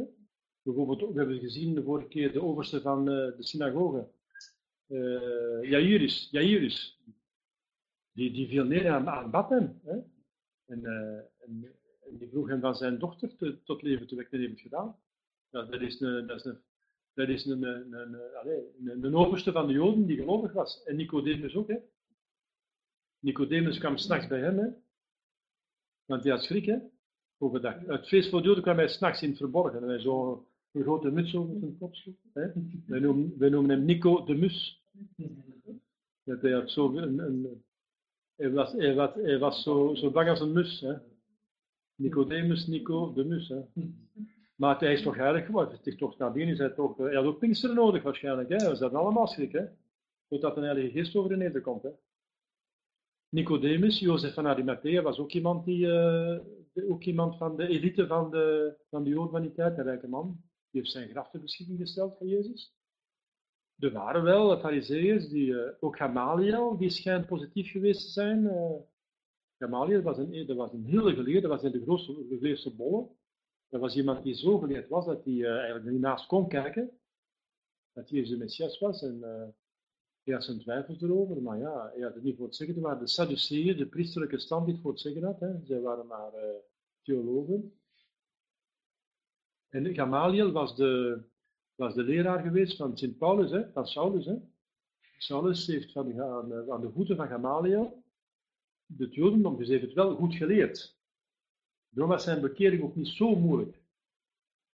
Uh, want hij had het eigenlijk goed geleerd allemaal. Dus het Oude Testament en alles van Gamaliel. Maar uh, ja. dat is, de, dat is ja, wat is er nu aan te doen? Hè?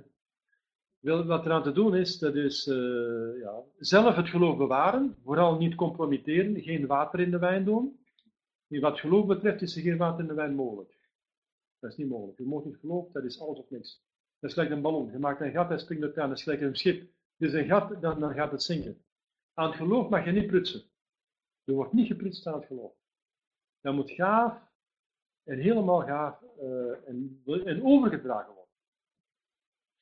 Maar uh, ja, natuurlijk, uit, wij, wij bidden voor de bekering en dan alle mensen van goede wil, ook mensen van goede wil. Maar er zijn in de, in de kerk, in de, kerk, in de, in de kerk, zijn er mensen van goede wil, maar ook van slechte wil. Want ze is geïnfiltreerd. Er zijn die daarin gegaan zijn om ze kapot te krijgen van binnenuit. Hè. En dat zijn er niet weinig. Dat zijn er niet weinig. En ze hebben uh, aan de hoofd van allerlei posten, homoseksueel, bijvoorbeeld aan de hoofden van uh, de seminars hebben meestal homoseksuelen gezet, mensen die homoseksueel goed bezit waren. Ik heb het meegemaakt in, Antwerpen. Die man, ik wou naar Antwerpen naar gaan en die vroeg of ik, of ik eigenlijk homoseksuele gevoelens had. Ik had geen homoseksuele gevoelens en ik mocht, ik mocht verder studeren. Ik mocht terug naar de universiteit gaan, ik werd niet aangenomen. Hetzelfde in Kaunas, in, in Litouwen, waar er uh, twee seminaristen naar mij toe kwamen en zeggen, er zijn homoseksuelen in het seminarium. En wij gaan naar de, naar de, naar de rector en naar de bisschop en die zeggen, als jij niet zwijgt, vliegt jij eruit. Dus dan zijn de mensen, en dan, ze, ze pakken dus de jeugd aan. Hè. Als ze de seminaries aanpakken, pakken ze de toekomst van de kerk aan. Want binnen de zes, binnen de zes jaar heb je een nieuwe uh, generatie priesters. Dus een, dus een, generatie in de kerk is veel vroeger dan een generatie in de maatschappij. En een generatie in de maatschappij duurt twintig jaar. Hè. Op twintig jaar zijn we volwassen. Maar op de zes jaar zijt je priester. Hè. Dus ze hebben de seminaries aangepakt. Ze hebben gezorgd dat ze in de seminaries, uh, dat ze daar die, die vorming, dat ze die modernistisch maken. Dat hebben ze dus in handen gekregen. De meeste is zo gegaan ook allemaal. Jongeren die weten niks meer. Ik, ik veroordeel niemand niet. Hè. Er zijn mensen die misschien heiliger zijn dan ik, misschien dat is mogelijk. Zelfs in de conciliaire kerk, omdat ze niet beter weten. Maar, dat, maar er zijn ook mensen die het goed weten bij het boeddhisme. Bij de islam ook, hè. Bij, bij overal zijn er mensen die het goed menen. Hè. Denk ik toch, hoop ik. Maar dat betekent dat boeddhisme goed is, dat hindoeïsme goed is en dat de, dat de schismatieke orthodoxen goed zijn. Als er daar mensen onwetend zijn en met goede bedoeling, dat betekent dat de zaak goed is. Want wij moeten juist onderwijzen. De onwetendheid is geen toestand van, van zaligheid. Hè? Dat is een, een heel oncomfortabele toestand. Dat is, een, dat is een gevolg van de erfzonde, onwetendheid. Begrijp je? Dus wij moeten juist onderwijzen gaat en onderwijst alle mensen. En als Mozes zegt, ja, maar de, onze eigen mensen gaan dat toch niet zeggen, want uh, dan gaan we te veel verliezen. Nee, gaat onderwijst alle mensen. En vele aan de mensen van goede wil. Heeft te weinig vertrouwen in de werking van de Heilige Geest. Als hij het goed uitlegt, kun je mensen tonen, kijk, het is gewoon wat Jezus wat de kerk verlangt, het is van God. Als je kind van God bent, dan vraag je dat. Tweevoudig is dat. Je moet alleen zeker weten dat het van God komt. Hè? Want die zekerheid die kunnen wij je geven, dan kijk maar, kijk documenten maar. Hè? Je? We hebben ons een sandborden die zegt uh, in de broederschap, als ze zeggen unacum papa Francisco, dan zeggen ze dat ze eens, dat, dan zeggen ze ten eerste dat Franciscus een paus is, goed weten dat geen, dus de, de overste weten dat, de, gewone priester weet nog van niks. Want de bisschoppen spreken er niet over, zelfs niet tegen hun eigen priesters, tegen hun uh, want die moeten maar aannemen, voor, die moeten maar beloven van als paus aan te nemen voor het tweede sacrament. Dus zelfs voor hun eigen priesters spreken ze er niet over. Dus ik weet te veel, ik werd eruit gezet. En ik spreek wel, want ik kan niet zwijgen, want ik wil niet medeplichtig worden. En ik heb nu gevonden dat ik de ware, de goede weg ingeslagen heb. Want degene die uh, gemeenschap heeft met ketters, ondergaat het van wat van de ketters. Dat kunt je, je niet uh, in uh, grijze zone, er bestaat geen grijze zone. Dus de, de, situatie is dat je, ten eerste zeggen ze dat Franciscus Paus is, en ten tweede zeggen ze unacum, hebben ze gemeenschap met hem. Hè? Zoekt Monseigneur zoveel mogelijk overeenkomsten. Hij heeft al vier overeenkomsten, zoals ik zei. Hè. Hij gaat naar Rome oordelen, zijn eigen priester, samen met andere priesters, zetelt hij in de rechtbank van Rome. Volgens het hij niet recht, dat door een antipode samengesteld ongeldig is. Daarna gaat hij uh, toestemming vragen om priesters te wijden, en hij heeft toestemming gegeven om al priesters te wijden zoals hij wil.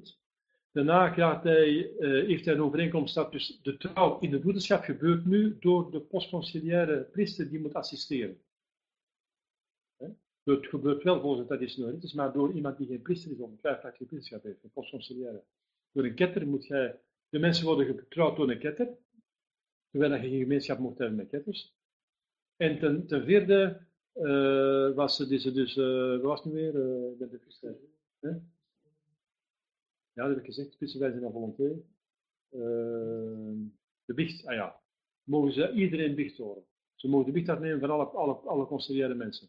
Maar als je een conciliaire in de biechtstoel krijgt, hoe kun je dan de absolutie geven? Je moet hem eerst catechismus geven en moet weten wat het tien geboden zijn. De mensen kennen het tien geboden niet meer. De mensen, postconciliaire mensen die komen, die kennen het tien geboden niet meer. Die weten niet meer dat, uh, dat je, weet je wat, op alle mogelijke gebieden, uh, spiritisme is niet toegelaten, uh, bijgeloof is niet toegelaten, uh, er is steeds dat je ja, af en toe, uh, de priesters hebben zelf gezegd, als je geen goesting hebt om naar de mis te komen, kom gewoon niet. Hè. Dat is een doodzonde. Hè. Heilig steeds dag des Heren. Zon en feestdag zult gij eren. En dan uw kinderen hè, en uw ouders eren. Ja. dan, en, en dan uh, kinderen opvoeden, worden kinderen opgevoed. Uh, vluchten stil in bedriegen, ook de achterklap het liegen, we skuizen niet gemoed, dat kennen ze ook al niet meer. De mensen weten soms niet wat de kuisheid is, hè. weten niet, wordt niet meer over gepredikt. Er wordt niet meer gepredikt over de tien geboden, of praktisch nog heel weinig in de postconciliaire kerk. En daarmee hebben de mensen een heel vaag gevoel van de zonde. ze weten niet meer dat ze op zijdag geen vis mogen eten en dat ze, dat ze nuchter moeten zijn voor de communie. Zelfs één uur, dat weten ze ook al niet meer. Dat ze één uur uh, moeten uh, nuchter zijn. Dus ze weten niet meer. Hoe kun je dan voor iemand bichten als hij volgende week in een, in een, in een nieuwe mis zit? In een overzotte en dan kom je op de hand gaat ontvangen. Hoe kun je die absolutie geven? Dus dat is, dat dat als je die absolutie geeft, dan ben je schuldig voor, voor dan, dan, kun je het eigenlijk goed. Hè? Want je moet, ik, in de, in de, je moet alleen maar absolutie geven als die persoon een, eh, een, een berouw heeft. En bij het berouw hoort het vaste voornemen om niet meer te zondigen. Dus anders is de absolutie ongeldig. Het berouw is pas geldig als je het voornemen hebt om niet meer te zondigen. En als hij de voornemen heeft om, de volgende zondag weer in de nieuwe mis te zitten. En je geeft een absolutie, dan is die absolutie al geldig, dan is hij erkennend. Dus je ziet, er zijn al vier overeenkomsten met Rome, terwijl Paus Hormizdas zegt, geen gemeenschap met ketters. Of je ondergaat het lot van de ketters. En ik herhaal het, voor zover dat ze dus een ketter als paus beschouwen, zijn ze ketter. Ook. Als ze zeggen ijsketter, Monsnefelle heeft ondertekend ijsketter, hè, heeft ze ondertekend een document dat nu op met 62 mensen heeft hij ondertekend dat uh, ketter is. En als hij dan blijft zeggen dat hij paus is, dan zegt hij een ketterij, namelijk dat een ketter paus kan zijn, terwijl hij het weet. Heeft het mij bekend, ik zweer dat aan de telefoon, ja, als een paus getijdt, verliest is een paus. Alsjeblieft. Dus wat kun je nog, die broederschap, die moet je behandelen zoals de kerk in de jaren 60, 70, 80. Hè. Je moet uw eigen ziel redden, red uw ziel, en vervoeg de groep, ik ben te beschikking als priester. Uh, red uw ziel en kom naar priesters die nog het goed voor hebben. En vanuit hieruit, vanuit een, een, een geldig sacrament, volledig in orde, proberen met gebed en voorbeeld en, en andere mensen van goede wil terug naar het geloof te brengen. Zo gaat de kerk, uh, blijven, zo gaat de kerk overleven. Zo gaat de kerk overleven. De kerk is nu embryonaal. Embryonaal. Een embryonale situatie. Uh, dus heel klein. Heel weinig mensen. Maar het zal blijven voortbestaan. God heeft beloofd, uh, de kerk zal niet vergaan. Maar hij zegt, ja, de grote geloofsafval is voorspeld geweest. En Jezus zegt, zal ik nog geloof vinden als ik op aarde terugkom. Kom. Dus je moet realist zijn. Hè? Maar uh, wij mogen blij zijn dat we het geloof hebben bewaard. En alle, wij zijn het niet waard. Wij mogen God dankbaar zijn en dat we geloof, en we moeten geloof verder zetten. Ik hoop dat ik aan uw vraag, aan mevrouw Buslaars, heb dus geantwoord. Het, het, het, goede nieuws is dat u, het, het, slechte nieuws is dat de broederschap dus eigenlijk te mijden is. Hè? En het goede nieuws is dat u nu de waarheid weet en de waarheid zal u vrijmaken. En dat u dus uiteindelijk loskomt van alle invloed van ketters en ketterij. Toen ik, toen ik dus uit de boodschap werd gestoten en ik kwam, uh, omdat ze niet wilden de waarheid uh, ervaren, uh, en heb ik wel een effect gezien dat ik echt vrij was van die druk van Rome dan, dan toch die invloed die op de broederschap plus van Rome uit. Van apostaat, van afvallig Rome. Er is een druk, er is een zekere druk. En uh, ja, je ondergaat het van de ketters, dat heb ik bijna ondervonden. Er is iets, er is een invloed die op u uitgaat. Er is niks aan te doen. Ja, gemeenschap is, gemeenschap hebben, als je probeert overeenkomsten, en er zijn al overeenkomsten, de overste heeft al vier overeenkomsten geslagen, die ik juist gezegd heb. Dan is er een wederzijdse invloed, dat kan niet anders. Dat wordt, bijvoorbeeld, je moest al een toestemming hebben van een overste om Franciscus te bekritiseren. Om de paus, om de antipaus te bekritiseren, moest je al een toestemming hebben van de overste. Je mocht niet zomaar niet meer uh, van alles zeggen van dat hij verkeerd is of zo. Je hebt geen vrijheid van spreken meer. Je moet politiek beginnen te denken en te spreken. Hallo, waar zijn we bezig? Ja. Er zijn, er zijn priesters die op de matje zijn geroepen, omdat ze dus gezegd hebben dat. Bijvoorbeeld ik. Dus zeggen, luister eens, hè. we gaan een overeenkomst maken. Jij mocht zitten vacatistisch denken, maar je zwijgt erover. Het is verboden van in de te zeggen, ja, maar dan maken ze mij kapot. Hè. Ik weet dat het de waarheid is. Het is een geloofswaarheid, want het behoort tot een geloofschat. Het is dus maar een opinietje. En ik moet daarover zwijgen. En die mensen, die, en ik moet maar in de mis en in het lof blijven zeggen, Franciscus, Paus Franciscus, dan maken ze mij kapot. Hè. Dan maken ze mij ziel kapot. Dan, dan, uh, dan doen ze mij doodzondigen. Voor mij is dat een doodzonde. En voor iedereen. Objectief, ik zal zo zeggen, is een doodzonde, subjectief weet ik niet. Ik hoor dat niet, hoor dat en het niet. Maar objectief is het een doodzonde. Hè. En als het met volle kennis en volle toestemming, bij mij gebeurt het met volle kennis. Bij mij gebeurt dat met volle kennis en toestemming, bij mij is het een doodzonde. Ik kan niet zeggen, ja, ik weet, ik weet niet goed, ik weet heel goed. Ik heb alle bewijzen voor mij Ik heb alle bewijzen liggen. Ik heb ze trouwens op mijn, mijn website gezet. Hè. Het ganse artikel is in het Nederlands vertaald. Van de DTC. En nog meer, het is in de DTC, het is, is je vindt nu overal. Het is begonnen met Gratiaans, is een decretum. Gratiaans is de eerste jurist die nadat de kerk uit de catacomben kwam, al de wetten van de kerk heeft samengevat in het decretum. En daarin stond in, uh, summa sedes anemine iricetur, nisi a fide devius evigator. De hoogste zetel wordt door niemand geoordeeld, behalve als geconstateerd heeft dat het geloof is afgewezen. Behalve. Dus meer kan ik niet zeggen. Er moet nog gezegd worden. Nu moet je de genade vragen om moedig te handelen. Hè? En, uh, het is een offer weer. Hè? Dat is zoveel een offer. Dat. Er zijn dan verschillende mensen die het aannemen en die de stap niet zetten. Dat is gevaarlijk, hè? Dat is gevaarlijk. Als je weet het niet hoe ze blijven doen, dan begint je te zondigen. Ja. En je moet weten, wij moeten verkondigen. Je zegt, ja, maar je had er beter over gezwegen, dat was Montesquieu. gezegd. Nee, nee. Je zegt, gaat en onderwijst. Leer ze onderhouden. Alle volkeren, alle mensen, alle schepselen. Doop ze. Dat zijn drie bevelen. Als ik niet doe wat Jezus zegt, dan, moet, dan ben ik verantwoordelijk. Hè. De pastoor van Ars zei, als ik zie dat mijn gelovigen zondigen, en ik, eh, en ik zeg hun de waarheid niet, ik zal ze de waarheid zeggen, zegt hij. Zelfs al weet ik, als ik de, de, de preekstoel naar beneden ga, dat ze me gaan vermoorden, ik zal toch de waarheid zeggen, want mijn verdoemenis hangt er vanaf. Pas, de heilige pastoor van Ars, het voorbeeld van alle priesters. Wij moeten de gelovigen de waarheid zeggen, ook al weten we dat we ze ons gaan vermoorden omdat we de waarheid zeggen. En als we het niet zeggen, zijn wij schuldig. We spelen geen spelletjes met ons lieve Geen spelletjes. Geen verstoppen. ja, ik hoop dat ik ge- duidelijk geantwoord heb. Ik zie geen vragen meer verschijnen. Hm? Maar het is ondertussen al eh, laat geworden. Het is tien uur. Die cursus van filosofie die bevalt door die laatste vragen. Het zijn zeer zware vragen. Dat zijn zeer zware vragen die eh, buiten off-topic zijn.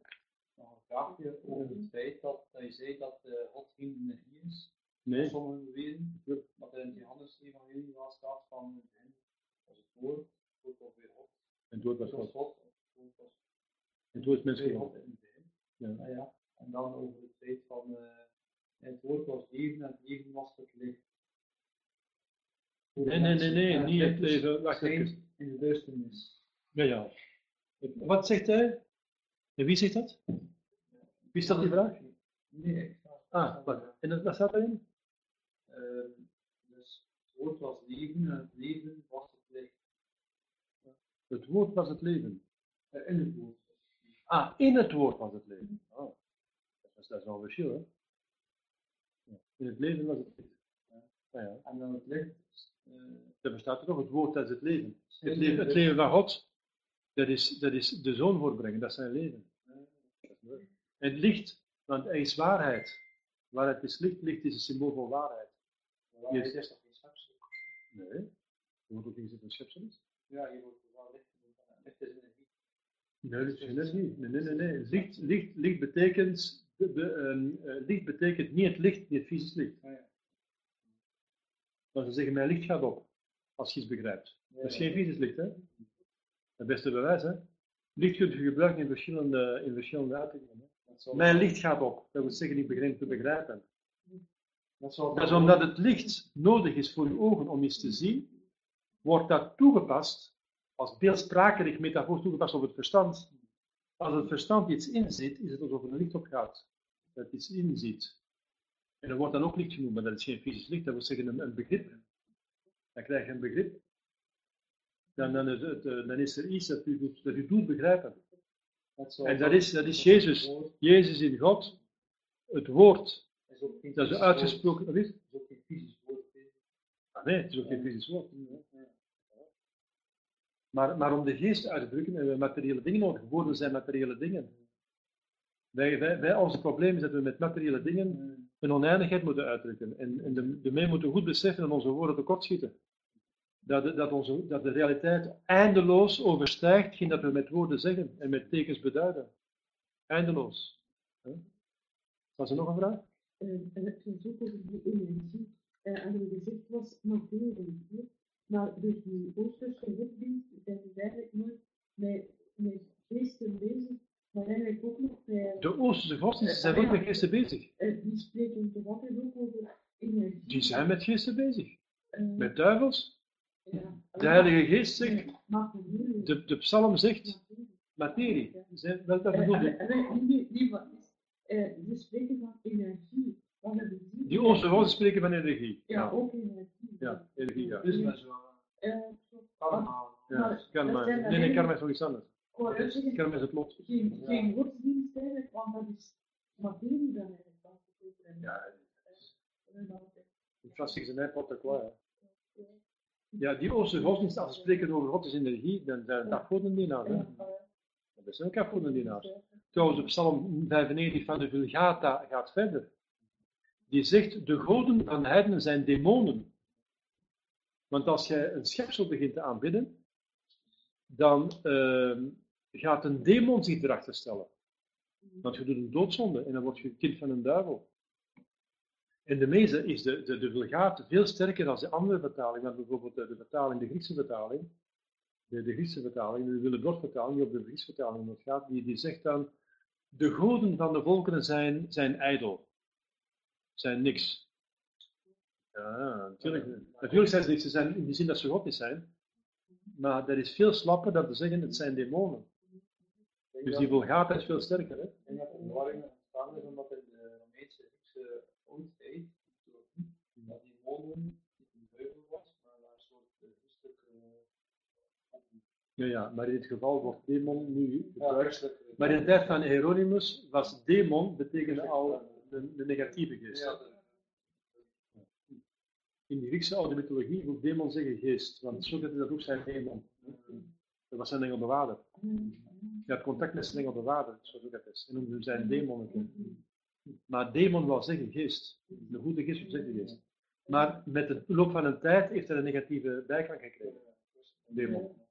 En nu zijn demonen geesten, maar slechte, negatieve, slechte geesten. Dus, ja. spreekt niet meer van een heilige demon. Dus dat is, de tijd van Socrates sprak hij wel van een heilige demon. Maar nu niet meer. Dus je moet goed. De is het belangrijk dat een taal bevroren wordt. De mij in de kerk wordt de Latijn bevroren. Ik noem het een dode taal. Ik zou zeggen, dat is spijtig, dat is dood is negatief. Ik zou zeggen, het is een, een gefixeerde taal. Een, een, een vastgelegde taal. Een eeuwige taal. Maar het Latijn geëvolueerd is Italiaans. Het Italiaans is het geëvolueerde Latijn. Maar ja, dat is de taal die in Rome gesproken wordt. Het is Italiaans, dus je ziet wat een verschil dat dat geworden is. Hè? Het lijkt toch wel op Latijn, maar het is geen Latijn meer, zoals het moderne Grieks. Het oude Grieks is een verschil. En dat is om, juist om die geloofsschat te kunnen bewaren. Het Latijn is dus een middel, een, een, een middel, een instrument om die waarheid die geopenbaard is, onveranderd te bewaren, dat die betekenis niet verandert.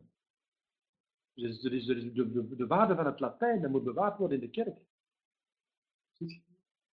Want anders weten we niet wat ze bedoelen. Als je spreekt van een, een wijf, het is een wijf, dan in de middeleeuwen was dat heel beleefd, hè? Een wijf. Een wuffe. Een wijf, zelfs in Oost-Vlaanderen, wordt- in West-Vlaanderen wordt dat gebruikt, hè? Dus wijf wil nu zeggen vulgair, een vulgaire vrouw. Maar in de middeleeuwen was dat heel, heel, heel, heel dingen. De, de, de koning kon spreken van zijn wijf, hè? De koning, de koningin is mijn wijf, hè? My wife zegt in het Engels. Dat is, als ze zegt my wife, vrouw, hè? Maar, maar je ziet, de betekenis verandert. En om, om dat negatieve effect tegen te gaan van de verandering van betekenis, dan weet je niet meer wat eigenlijk bedoelde. Want hij bedoelde het anders. Eh, bijvoorbeeld, we weten, de- Joost van den Vondel spreekt van de aardkloot. Dat zouden we niet meer durven zeggen, zoiets. Hè? Maar een kloot was gewoon een, bol, de aardbol. En nu zou dat gewoon op zijn, wat zoiets te zeggen. Hè? En zijn mensen die de klootmans. Die zou zijn naam moeten veranderen. Die moet zijn bolmans moeten nu heten. Ja, dat is omdat de taal evolueert en dat kan dus zeer hinderlijk zijn. Bijvoorbeeld zot, dat mag je ook niet meer zeggen. Hè? Je mag niet meer zeggen iemand is zot. Dat, dat is een belediging geworden. Hè? Daarna mocht je zeggen hij is mentaal gehandicapt. Nu wordt dat ook al eh, een belediging. Nu moet je zeggen hij is anders begaafd. Ah ja, hij is anders begaafd moet je nu zeggen. Je mag niet zeggen hij is gehandicapt. Je moet zeggen hij is anders begaafd. Ja, anders valide. Dus, zeggen anders zou je valide zijn. Hij is anders valide. Dus je ziet de taal evolueert. Ik heb het zien meemaken. Ik mocht nog zeggen, vroeger hij is zot. Dat is een zot. Maar dat was geen binnen, gewoon niet. Hij is officieel, klassiek, zot. Je kan er niet aan doen. Het is gewoon zot, het is gewoon zot. Je kan er mensen niet aan doen, je kan een heilig mens kunnen, je kan, kan naar de hemel gaan moet. Hè? Want een zotte kan niet zondigen. Want onwetend kan men niet zondigen. Dus je kan misschien een heilig mens zijn en toch je zeggen, je je bent een heilige zot. Hè? Een heilige. Maar dat kun je nu niet meer zeggen. Dus ik heb het nog meegemaakt dat je het woord zot nog kon gebruiken en nu en daarna niet meer. Daarna heb ik het nog meegemaakt dat je een taal handicap kon gebruiken en ook niet meer. Dus zo snel verandert een taal, zelfs op leeftijd. Dus je weet niet meer, als iemand spreekt van zot, zeg maar die zit de mensen daar te, te schofferen. Nee, dat was helemaal niet de bedoeling van te schofferen. Je mocht niet meer zeggen neger, dat mag ook niet meer. Maar neger komt van niger, en niger, in Latijn wil zeggen zwart. Je hebt trouwens Nigeria. Dat is nog een officieel land. Nigeria is het land van de zwarten, van Niger, van de negers, de nikkers. Je mocht niet zeggen nikker in het Engels, hè? het Amerikaans, want dat is een belediging. Hè? Maar oorspronkelijk, dat zeggen zwart, en ze hebben toch iets objectief dat ik, Ze zeggen het zelf, ze heten Nigeria. Ze hebben hun eigen land Nigeria genoemd. Nigerianen. Nikkers, nikkers. Maar je moet het niet meer zeggen. Dus ze zeggen nadenken hoe dat, hoe dat een taal evolueert en hoe snel dat, dat gaat. Hè? Wij mochten nog in onze tijd zeggen neger, dat was geen probleem, maar nu moet je niet meer zeggen. Hè? Neger, maar, en je moet zeggen zwarte. Maar neger wil zeggen zwart. Neger is het, is, komt van een Niger, Latijns, wil zeggen zwart. Ni, Niger wil zeggen zwart. Niger, neger mochten niet zeggen, maar zwarte mochten dat wel zeggen. Dus je ziet, dat is, dat is gewoon uh, hoe een taal evolueert, hoe die gevoeligheden zo snel veranderen. En, en, en, en, je moet, en de taal is een, is een instrument om kennis over te dragen. En in de kerk heb je een schat, een geloofsschat. Dat is een, een, een, een, die geopenbaarde kennis. Er zijn waarheden die geopenbaard zijn en die zijn, die zijn in woorden uitgedrukt. In de Heilige Schrift, dat is Dus je moet goed weten wat dat juist is. En daarom moest het Latijn bevroren worden. In de dode taal wil ik zo werk van zeggen dood, het Latijn is levend. Dat is een leven, dat is een, een, een, een leven, dat is een, taal die leven geeft. Het Latijn geeft leven, het geeft ons boven natuurlijk leven. Als je een absolutie krijgt van de priester, de mis in het Latijn, dan krijg je leven. Dode taal, ik vind dat zo, eh, ik vind het erg dat ze dat dode taal noemen. Dat is een levende, dat is een levengevende taal. Ze zeggen, laten we Latijn noemen de heilige taal, de geconsacreerde taal, de, de, de, de gewijde taal. Dat is gewijde zang. Gregoriaans is gewijde zang. De kerk is in staat om geestige dingen te wijden, bijvoorbeeld de zang. Zang is, je hebt gewijde zang en je hebt een gewijde taal. Ik, spreek liever van een gewijde taal dan van een dode taal. Begrijp je? Of een consacreerde taal. Want de consecratie is ook iets definitiefs vastleggen. Door een consecratie onttrek je iets aan tot aan gebruik. Je bestemt het voor de eredienst en dat voor altijd. Ik zit juist even te denken dat ik in, als ik al een keer jong was, zo, in, de, in de jeugdclub dat ik daar ook nog de Eucharistie heb meegemaakt. En dat is helemaal eens gedaan van Maar ja, we wisten niet beter. Ja, ja, we wisten niet beter. De, de, de wijn die rondging in een cruise. En een straf. De wijn ging rond in een cruise. Ja. Van diezelfde cruise drinken. Ja, ja. Ook in gemeenschap. Ja, ja. De ja, dat zijn protestantse. Dat zijn protestantse. We hebben het allemaal meegemaakt. Hè. Maar onwetend kan men niet zondigen. Het is vernederend, eh, maar God, dat wordt niet aangerekend. Hè. Als je iets in gehoorzaamheid gedaan hebt en je kon het niet weten, het is verkeerd, dan wordt het niet aangerekend. Dat wordt niet aangerekend. Hier is nog een vraag. Dank u wel, mevrouw Busselaar. Graag, met, graag gedaan. Dan, uh, Maggie zegt nog een vraag. Deze nossie beginnen bloeden. Is zijn bedoeling, is een wonder. Een wonder moet erkend worden. God gaat gewoon doen. Ah ja. Ja, de catechismus zegt, dat hebben we de vorige keer gezien, vraag 123 wordt de waarheid van de Rooms-Katholieke Kerk ook door mirakelen bevestigd. Ja, sinds haar ontstaan en door alle eeuwen, dus ook in de 21ste eeuw, wordt de waarheid van de Rooms-Katholieke Kerk ook door mirakelen bevestigd. Als er mirakel gebeurt, doet God dat om, eh, meestal om een waarheid te bevestigen. Om te tonen, de mirakelen gebeuren om de, de vinding van de ware kerk gemakkelijk te maken. Want het is gecompliceerd, hè? de traditie, Petersbroederschap, Piersbroederschap, uh, Christus Koning, je hebt de Consoliaire Kerk, je hebt de charismatiekers, je hebt uh, Focolari, je hebt de protestanten, je hebt de doxers, je hebt de, je je hebt de Anglikanen, je hebt, uh, je hebt verschillende secten, je hebt, ik weet niet wat, je weet niet meer, je hebt Opus Dei, je weet niet meer waar je eigenlijk naartoe moet. Hè? En was, ik heb het allemaal moeten uitzoeken ook in een? Ik heb 17 jaar gezocht voor ik een seminar gevonden heb. 17 jaar heb ik gezocht. 17 jaar. Terwijl ik eigenlijk een carrière had kunnen maken. Ik was rechten aan het studeren, ik heb die carrière stopgezet omdat ik, ik had en ik ben. Ik heb 17 jaar doorgebracht om te zoeken. Je kent heel de situatie in België grondig. Van de, post, van de conciliaire kerk. Ik heb het allemaal zien gebeuren. Ik ken het heel erg grondig. En uh, ja, en dan. Uh, dus, dus, God doet mirakelen om die zoektocht naar de ware kerk gemakkelijk te maken. En meestal wordt het gebruikt, zoals hier in staat in de catechisme, om een doctrine te bevestigen. Dus de waarheid. Hè, wordt de waarheid van het geloof bevestigd door mirakelen. Trouwens, in mijn geval staat naast, stond naast dat, die, die, eh, die, die, stond een beeldje, toevallig. Wie mij bemint, volgt mij. Dat is duidelijk, hè. Mij. Dat wil zeggen dat we Jezus volgen, dat is een, dat is een, blijk van dat we hem lief beminnen. Ook al is het moeilijk. Ook al is het moeilijk om hem te volgen, we volgen hem omdat, omdat het een offer is. Is een. Jezus zegt, wie, wie mij bemint, die onderhoudt mij geboden. Dus hem volgen is een bewijs dat je hem bemint, ook al is het moeilijk. En het is moeilijk. We, zijn, we komen in een heel klein groepje terecht. In een heel klein groepje terecht. Maar de toekomst, de, de, de, geest is de, de, de ziel is de Heilige Geest en dat is God. Dus het is een geweldige toekomst. Apocalypse 12 zegt dat de vrouw zwanger is van een klein kindje, maar dat zal de volgende heersen met een ijdere staf. En dat is een kerk die mystiek wedergeboren, dus als erboren wordt, als erboren wordt. 100 jaar nadat uh, God de toestemming heeft gegeven aan, aan, aan, een duivel om de kerk te vernietigen. Want u kent die, uh, die openbaring van uh, de duivel aan Leo XIII. Na de mis dat hij in zwijm valde. En de duivel vroeg, Leo XIII zegt, ik heb de duivel aan God zien vragen, geef mij 100 jaar, geef mij meer tijd en meer macht en ik zal de kerk vernietigen. En God zegt, hoeveel tijd, hoeveel macht?